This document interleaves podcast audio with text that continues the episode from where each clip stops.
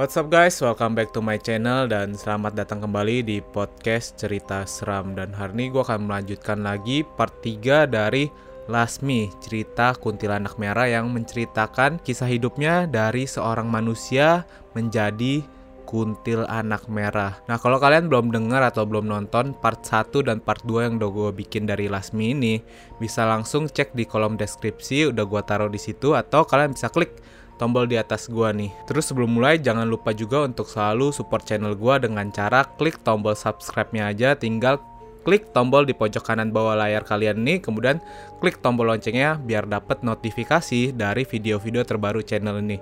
Terus kalau kalian yang denger podcast cerita seram di Spotify bisa langsung klik tombol followingnya ya guys buat support gue selalu. So kita lanjutin aja cerita Lasmi si kuntil anak part 3 ya guys. Lasmi sangat tidak terima atas kematian dia dan bayinya. Dendam kesumat yang teramat besar di dalam diri Lasmi membuat wujudnya perlahan berubah. Tatapan mata yang sebelumnya teduh berubah jadi sorot berwarna merah darah yang menyala. Wajahnya yang ramah berubah menjadi menyeramkan.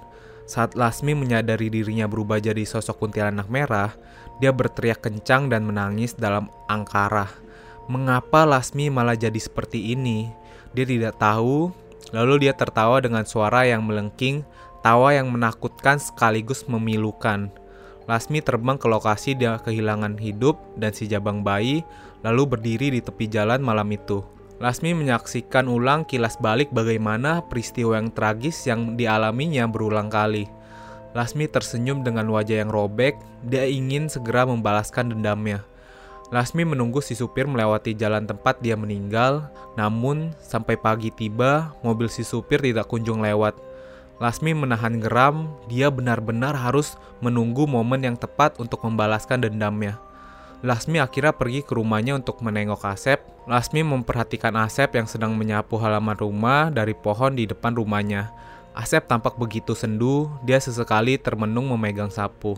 Lasmi lalu berkelebat di sekitar Asep sebagai isyarat bahwa dirinya ada. Asep pun sedikit terkesiap menggosok tengkuknya. Asep celingak-celinguk ketika merasakan sensasi hawa dingin. Lasmi di sini, ah. Bisik Lasmi dengan senyum liri yang tentu saja tidak terlihat. Asep hanya lanjut menyapu, Lasmi pun duduk di kursi teras memandangi suaminya itu dengan perasaan sedih dan rindu. Neng, Neng, biasanya ada Neng di sini. Sekarang AA teh, menu kesepian, rumah sepi, ucap Asep tiba-tiba dengan pelan.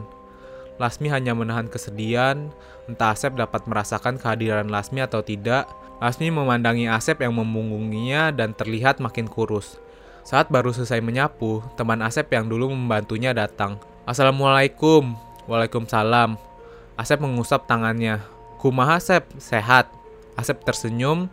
Ini Sep, istri saya teh nitip ubi rebus sama pisang buat kamu. Dia memberikan bungkusannya. Atur nuhun. Asep menerimanya dengan senyum. Alhamdulillah, dang. Dimakan ya Sep. Cepat sembuh kamu teh. Lalu temannya berpamitan. Lasmi tersenyum, ada kelegaan bahwa masih ada orang baik yang membantu suaminya. Asep pun masuk ke dalam rumah, diikuti Lasmi. Lasmi hanya memandangi Asep, menikmati makanan itu sendirian. Rumah makin terasa hampa, Lasmi ingin sekali seperti dahulu ketika mereka makan bersama. Sambil mengunyah, Asep menatap kursi di depannya, seakan menganggap Lasmi ada di sana.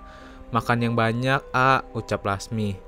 Hari itu Lasmi mengelilingi rumah mengingat kesehariannya sementara Asep membersihkan sulingnya karena malam nanti akan mengisi acara pesta Belanda. Sambil berkeliling, Lasmi mendengar tembang Sunda kesukaan yang dimainkan Asep dengan sulingnya. Perasaan Lasmi menghangat. Asep memainkan tembang itu dengan penuh perasaan, tanpa sadar air matanya menetes. Dia ingat raut Lasmi yang tersenyum bahagia dan berkata, "Kang, Lasmi pengen denger sekali lagi ya. Asep pun mengelap pipinya di depannya. Lasmi menangis karena tahu apa yang dibayangkan Asep. Sumpah ya, Ara nangis lagi pas bilang bagian ini. Kata Lasmi, Lasmi jadi kangen lagi sama Kang Asep. Lasmi yang sabar ya, nahan kangen emang nyesek. Sorenya, Asep siap-siap berangkat. Teman-teman tim pengiringnya menunggu di teras. Biasanya Lasmi akan menyambut dan sejenak mengobrol. Kali ini hening Lasmi ke teras seakan menyapa mereka. Ada ngerasa dingin tuh? Bisik salah satunya. Iya, Lasmi mungkin. Lasmi yang tenang ya, kata salah satu dari mereka. Lasmi tersenyum lalu kembali ke kamar. Asep sedang mengenakan pakaiannya, lalu meraih salah satu pakaian Lasmi, menghirup aromanya dalam-dalam. Akang berangkat ya, Neng, ucap Asep. Iya, Kang. Lasmi seakan mencium tangan Asep. Lasmi mengiringi Asep dan timnya ke acara. Tiba di panggung acara, Asep duduk memegang sulingnya. Posisi Lasmi telah digantikan oleh anak teman Asep. Masih belia tapi cukup lihai menyanyikan tembang. Asep termenung, rasanya kemarin Lasmi masih bernyanyi, dadanya sesak, selendang ciri khas sinden telah berpindah tangan. Seluruh tim menyadari Asep melamun, Lasmi duduk di sampingnya. Sep, kenapa? Tegur Dadang. Eh, enggak, enggak apa-apa. Sep, mungkin saya terlihat ikut campur, tapi kamu harus rela, biar Lasmi juga bahagia. I iya, jawab Asep lirih. Ah, Lasmi yakin Akang pasti bisa, bisik Lasmi. Pertunjukan pun dimulai. Asep memainkan sulingnya seirama dengan alat musik lain. Dia menatap punggung sinden baru yang sedang nembang sambil membayangkan itu Lasmi. Perlahan, Asep merasakan kakinya kesemutan, tapi dia menghiraukannya dan berusaha fokus. Sementara Lasmi khawatir, Lasmi tahu betul Asep sedang menahan sakit gulanya yang kumat. Asep mulai keringetan, tapi Lasmi tidak bisa berbuat apa-apa selain seolah mengusap punggungnya. Asep membatin dan bilang, Gusti, setidaknya saya bisa malam ini. Lasmi mendengar suara batin itu, lantas dia menangis. Tim pengiring menyadari ada nada yang meleset dan takut ketahuan oleh penonton Londo. Mereka bisa kena masalah kalau ketahuan. Beruntungnya, Asep dapat bertahan sampai pertunjukan selesai. Dadang menghampirinya, Sep, kamu istirahat dulu abis ini ya, gak apa-apa. Asep mengangguk pasrah. Ternyata ada wanita Londo yang menyadari kesalahan Asep. Dia menghampiri Asep yang hendak pergi dari panggung. Saya sering nonton pertunjukan kalian, tapi kamu tadi beda, kata wanita itu. Maaf non, Asep menunduk takut. Mana sinden yang biasa dengan kamu? Asep terdiam. Kenapa kamu diam saja? Tanyanya lagi. Kali ini dengan penekanan. Asep makin takut jika tidak dijawab, dia bisa kena masalah. Dijawab pun hanya akan menambah kesedihan. Punten non, Asep sedang tidak sehat, ucap Dadang sopan sambil menarik lengan Asep menjauh. Dadang membawa Asep ke belakang panggung. Kamu gak apa-apa? Tanya Dadang cemas. Gak apa-apa, nuhun dang, kata Asep masih merasa tegang. Lasmi menatap tajam wanita Londo yang kembali ke kumpulannya, Lalu gelas yang dipegang salah satu temannya tiba-tiba pecah begitu saja. Mereka sangat kaget. Lasmi tertawa melihat mereka yang bingung, sekaligus ketakutan. Pertanyaan itu menyinggung Lasmi dan dia hanya memberikan peringatan. Untungnya, pecahnya gelas itu tidak melukai. Londo-londo wanita itu langsung menjauh dari panggung. Setelah itu, Lasmi menghampiri Asep yang sedang duduk. Asep sedang memijit kakinya yang masih kesemutan. Lasmi duduk di sampingnya. Akang gak apa-apa, kata Lasmi. Asep hanya terdiam, tim pengiringnya memandangi Iba. Sep, kamu gak apa-apa kan sementara ini istirahat dulu? Tanya Dadang, mewakili timnya yang khawatir. Oh, iya gak apa-apa, Dang. Asep mengangguk. Sebenarnya Asep sedih karena itu mata pencariannya. Bagaimana dia mencukupi kebutuhan hari-harinya jika tidak bekerja. Dadang memberi upah acara tadi. Sep, terima ya, ini ada sedikit rezeki dari kita. Ya Allah, hatur nuhun pisan, Asep mengatakan sambil mengelap air matanya, lalu menyalami rekan-rekannya. Lasmi pun terharu, dia mengelilingi mereka seakan mengucapkan terima kasih. Asep dan timnya pun bergegas pulang. Di jalan, Asep hanya memandangi lurus, dia biasanya bergenggaman tangan dengan Lasmi, membahas esok hari dan impian mereka. Namun, kini Asep hanya berbicara dalam hati, sesampainya di depan rumah, Asep berpamitan dengan timnya. Lalu dia duduk sebentar di teras, melepas lelah. Biasanya Lasmi akan mengambilkan segelas air putih. Hari ini terasa sangat berat untuk dilalui oleh Asep. Asep harus serba bisa sendiri. Lasmi ingin sekali menguatkannya andai dia bisa. Asep pun masuk ke dalam rumah, mengambil air minumnya sendiri. Lasmi menunduk, jika saja dia bisa mengambilkan air minum untuk Asep tanpa harus membuatnya takut. Maafin Lasmi ya, A, Ucap Lasmi sendu sembari berdiri di sebelahnya Asep. Asep bergeming sebelum ke kamar, Lasmi mengikutinya. Asep mengganti bajunya lalu merebah ke kasur. Asep menghadap ke sisi Lasmi yang biasanya mereka ngobrol sebelum tidur. Lasmi pun merebah di situ. Mereka bertatapan tanpa Asep tahu. Lasmi tersenyum, istirahat A. Asep berkata sendiri, malam ini dingin neng. Lalu Asep tertidur. Lasmi hanya memandangi Asep yang tertidur dengan wajah yang lelah, Sesekali Asep berganti posisi dan mengusap tubuhnya karena kamar yang terasa dingin. Asep tidak tahu hawa dingin itu berasal dari Lasmi. Akhirnya, Lasmi pun sedikit menjauh, takut suaminya tidak bisa tidur nyenyak. Lasmi kembali ke pohon di depan rumahnya. Dia uncang-uncang angge sambil menunggu pagi tiba. Lasmi pun memperhatikan makhluk sejenisnya yang berwarna putih yang ada di sekitar rumah mereka. Entah kenapa mereka tidak mau mendekatinya atau menyapa Lasmi. Mereka hanya tertawa dan melayang-layang. Lasmi merespon tawa mereka dengan tawa juga. Mereka langsung terdiam dan pergi. Saat itu Lasmi heran, kenapa mereka pergi? Apakah karena dia berwarna merah sendiri? Lasmi berpikir, mungkin karena ketakutan yang besar dan aura merah di tubuhnya itu membuat sesamanya takut. Inilah potret wajah Asep yang digambarkan oleh Ara. Saat gambarnya selesai, Lasmi bilang, Akhirnya aku bisa lihat Kang Asep lagi setelah sekian lama. Aku ingin melihat wajahnya Kang Asep dengan jelas. Lanjut, karena taunya terdengar menakutkan hingga membuat sesamanya takut, Lasmi termenung. Dia khawatir bisa menakuti Asep juga, atau malah tidak sengaja mencelakainya. Hawanya saja bisa membuat Asep tidak nyaman. Lasmi hanya ingin berada di sisi Asep. Pagi tiba, Lasmi pun masuk ke dalam rumah. Asep sudah bangun dan sedang menghangatkan sisa ubi yang diberikan oleh Dadang kepadanya. Lasmi memandangi Asep yang kesulitan membuat makanan paginya dan melamun ke arah uap yang mengepul. Ini seharusnya tugas Lasmi, tapi dia tidak mungkin bisa melakukannya lagi. Lalu terdengar suara yang parau dari luar. Assalamualaikum, Sep. Asep tersadar dari lamunannya. Lasmi masih teringat dengan suara ini adalah mertuanya, ayah Asep yang juga sudah sakit-sakitan. Asmi mengikuti Asep menuju pintu, tiba-tiba saja langkah Asep melimbung. Dia merasa pusing. Ayah Asep melihatnya dan membantu dia duduk. Sep, kamu sakit. Asep mengangguk. Pulang aja ke rumah, jangan sendirian. Bisa kenapa-kenapa kamu, kata ayahnya. Enggak, Pak. Asep teh nggak mau ngerepotin Bapak. Asep bisa sendiri di sini. Ayah Asep hanya terdiam, dia ingin anaknya ada yang mengurus. Sep, ini mah bapak nanya aja, apa kamu nggak mau nikah lagi? Bapak teh pengen lihat kamu ada yang ngurusin udah begini. Lihat bapak Sep, ditinggalin ibu teh, hidup bapak seperti pincang. Ucap ayah Asep. Asep mengusap wajah. Pah, maaf, jangan omongin itu dulu sekarang ya. Asmi menunduk. Ayahnya memegang pundak Asep. Bapak cuma bilang aja Sep, kamu teh masih muda, masih punya kesempatan untuk hidup bahagia. Bapak nggak tega lihat kamu begini sendirian. Saat ini, Asep cuma mikirin Lasmi, Pak. Asep belum mikirin ke sana, balas Asep. Lasmi hanya terdiam pilu. Ya udah, kalau kamu udah kepikiran, bilang ya. Kamu teh Kasep, banyak yang seneng sama kamu. Ayahnya tersenyum. Tapi Asep cuma seneng sama Lasmi. Bapak tahu kan, Lasmi cinta pertama Asep Gimana dulu Asep perjuangi Lasmi.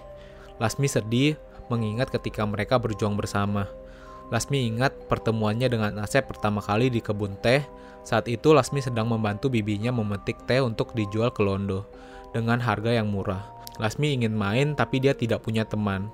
Lasmi sebatang kara, dia menyambung hidupnya dengan membantu bibinya bekerja. Sehari-hari, Lasmi tinggal di sebuah gubuk bersama Bi Entin, adik ibunya. Orang tuanya telah lama merantau, tapi tidak diketahui nasibnya. Rumahnya pun sudah dijual. Bi Etin seorang janda yang ditinggalkan suaminya dan tidak punya anak. Dia menganggap Lasmi seperti anaknya sendiri. Lasmi kecil tidak punya waktu bermain karena harus membantu bibinya. Sampai akhirnya suatu sore, dia bosan memetik teh dan Bi Etin sedang mengobrol dengan temannya. Lasmi duduk karena pegal, lalu dari belakang terdengar suara anak laki-laki. Eh, itu di rambut kamu ada ulet. Lasmi terkejut dan berteriak kaget sambil mengibas rambutnya. Anak lelaki itu malah cekikikan melihat Lasmi yang baginya sangat lucu. Mana, nggak ada ulet tuh. Ih, kamu mah jahat. Lasmi cemberut sambil memukul pelan. Abisnya kamu bengong aja, eh. Aku jadi iseng, hahaha. Lasmi menatapnya kesal, lalu Beatin memanggilnya. Lasmi, sini. Ayo pulang. Lantas Lasmi langsung menghampiri bibinya sambil menahan sebel. Besok paginya, sambil Lasmi membantu bibinya memetik teh, dia mencari anak laki-laki yang kemarin. Sampai sore, dia tidak melihatnya. Sampai beberapa hari, Lasmi tidak kunjung melihat anak laki-laki itu. Biatin geleng-geleng mendapati Lasmi seperti linglung. Mi, kamu teh kunaon bengong? Celingak celenguk. Ulah gitu takut ada apa-apa. Iya, Bi. Lasmi pun tersenyum kikuk. Lasmi ketawa cerita bagian ini. Sekitar seminggu kemudian, Lasmi sedang menjemur baju. Dia melihat anak laki-laki itu sedang turun dari andong membawa bakul tomat bersama seorang bapak di dekat gubuknya. Lasmi melirik Bietin yang sedang memilah daun teh. Dia diam-diam menghampiri Asep sambil seolah pura-pura lewat.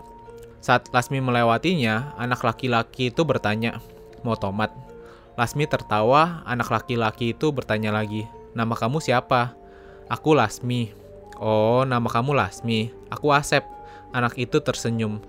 Itu bapak kamu, tanya Lasmi. Iya, mau kenalan. Lasmi tertawa lagi. Sejak saat itu, Asep sering bermain ke kebun teh untuk menjual tomat kepada seorang tengkulak tanpa diketahui ayahnya. Lalu Asep menemani Lasmi memetik teh seharian. Bietin hanya senyum-senyum melihat mereka. Lasmi kini punya teman dan terlihat riang. Dia tidak sendirian lagi. Dari Lasmi, Asep tahu cara memetik teh dan memilah kualitasnya. Kadang, Asep pulang membawa bakul berisi daun teh terbaik. Ayahnya sampai bingung, Asep rajin menyeduh teh saat pagi dan malam. Ini teh dari Saha, temen pak. Nugelis itu. Iya pak, Asep tersenyum malu. Kamu teh, seneng sama dia. Siapa namanya? Tanya ayah Asep menikmati tehnya di teras. Asep mengangguk. Lasmi pak. Cantik namanya, saat ibu Asep sembari menaruh kacang rebus. Ya udah kalau kamu seneng mah, bapak ge seneng. Ayah Asep melirik istrinya, memberi isyarat. Usai pembicaraan singkat itu, orang tua Asep datang ke gubuk Bientin dua hari kemudian. Mereka membawa makanan, Lasmi ingat hari itu sore dan hatinya berbunga-bunga kedatangan mereka. Tapi Lasmi malu, dia duduk di belakang Bientin menunduk. Asep dan Lasmi curi-curi pandang, Bietin pun senang kedatangan tamu yang kelak akan menjadi keluarga baru. Selama ini, dia dan Lasmi tinggal berdua di tengah hidup yang pas-pasan. Bietin mendengar dari Tengkulak bahwa ayah Asep adalah orang baik dan seorang petani tomat. Dia pun percaya Asep anak yang baik. Ayah Asep berkata, Punten cuk, saya Jajang, bapaknya Asep. Ini Atna, istri saya. Kami datang ke sini teh pengen kenal sama Lasmi dan Ence. Muhun Kang, ayah naon iya teh? Tanya Bientin sambil menahan senyum. Ayah Asep melirik Asep. Anak saya katanya teh hoyong sama Lasmi. Bi Etin lalu berkata kepada Lasmi yang dari tadi hanya menunduk. Kamu gimana Mi? Lasmi berbisik. Lasmi malu Bi. Ayah Asep dan istrinya tertawa melihat Lasmi. Tah, Sep, ditolak kamu teh, kata ayahnya. Asep sontak kaget dan bengong. Dia menganggap dirinya memang ditolak. Asep makin yakin dirinya ditolak karena Lasmi tidak kunjung memberi jawaban. Lalu Beatin bilang, Lasmi juga seneng sama Asep.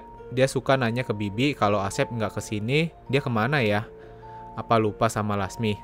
Lasmi menepuk pundak bibinya seakan jangan membocorkan hal itu. Jadi gimana Lasmi? Seneng juga sama Asep, tanya Atna. Lasmi menatap Asep, lalu mengangguk. Tapi Lasmi belum siap, Bu. Ya udah dijalani aja dulu kata Jajang. Ace, setuju Asep sama Lasmi. Saya mah gimana Lasmi aja, Kang. Bietin tersenyum. Asep langsung semeringah. Setelah itu, mereka makan bersama. Orang tua Asep dan Bietin membiarkan kedua anak itu pergi ke kebun. Kalau aku ngikut kamu, Bietin gimana? Tanya Lasmi sambil meremas daun teh. Bibi juga boleh ikut, nanti kamu diajarin nyinden sama si mama, jawab Asep. Mama kamu sinden, Lasmi takjub. Iya, kamu mau jadi sinden?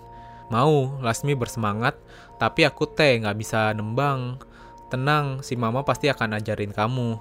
Aku kalau nggak ke sini teh, begadang ikut mama bekerja.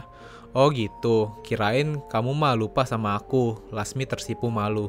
Beberapa bulan kemudian, Asep dan Lasmi menikah dengan sederhana. Mereka tinggal di rumah Asep.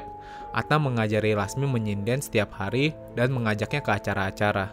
Lasmi pun mulai dikenal sebagai sinden cilik yang berbakat, sementara Bietin membantu Jajang jadi petani tomat. Atna bangga dengan Lasmi yang pamornya melesat. Tim sindennya jadi sering dipanggil acara-acara penting. Asep pun belajar bermain suling dari teman ibunya agar bisa mengiringi Lasmi. Sampai tiga tahun kemudian, mereka bisa membeli sebuah rumah untuk keluarga kecil mereka. Namun sayang, tidak lama berselang, Biatin jatuh sakit karena sering kelelahan. Lasmi pun terpuruk sebelum menutup mata. Biatin berpesan kepada mereka, Sep, tolong jaga Lasmi. Dia bagaikan anak Bibi sendiri. Jangan pernah tinggalin Lasmi ya, Sep. Bibi titip Lasmi. Pesan itu selalu di pesan itu selalu diingat oleh Asep dan Lasmi. Mereka berjanji mereka akan selalu bersama apa pun yang terjadi. Sampai Lasmi tiada pun, dia ingin selalu bersama Asep. Itulah kenapa Lasmi sedih ketika Jajang menyarankan Asep menikah lagi. Di sisi lain, Lasmi tidak tega Asep sakit-sakitan. Ya, dipikirnya baik-baik, Sep. Bapak cuma pengen kamu bahagia. Khawatir kamu teh sendirian di sini, ucap Jajang. Insya Allah pak, Asep kuat, balas Asep. Sep, punten juga nih mah, kamu udah tahu siapa yang nabrak Lasmi. Tanya Jajang hati-hati. Asep menoleh kaget, begitu pula Lasmi. Lasmi memancarkan aura merah, dendamnya terpecik. Siapa pak? Bapak teh kenal. Asep berusaha menahan amarah dan duka yang seketika bergejolak. Dia supir pengangkut sayur, Sep. Dulu sering belanja di bapak. Dia minta maaf, tapi nggak berani menghadap kamu, jawab Jajang. Ya Allah, Pak. Asep sebenarnya nggak dendam. Cuma karena dia, Asep kehilangan Lasmi, ujar Asep lirih. Boleh tahu siapa namanya, Pak? Lasmi menunggu nama itu terucap, dia ingin segera membalaskan dendamnya. Udahlah, Sep. Ikhlasin aja. Nanti kamu malah tambah sakit. Jajang berdiri, bukan bapak mau nutupin, tapi dia teh punya anak kecil, Sep. Bapak nggak tega, biar gimana pun dia tulang punggung. Dia minta maaf sama kamu, udah, jangan dipikirin lagi. Asep mengangguk paham. Ya udah, makasih banyak ya, Pak. Jajang pun pamit, Lasmi mengikutinya dari belakang. Jajang merasakan hawa panas menyelimuti lehernya. Perasaan ini tidak enak, tapi dia terus berjalan. Sekitar setengah jam dia melewati pasar, Jajang tiba di sebuah gubuk kecil di pinggir sungai.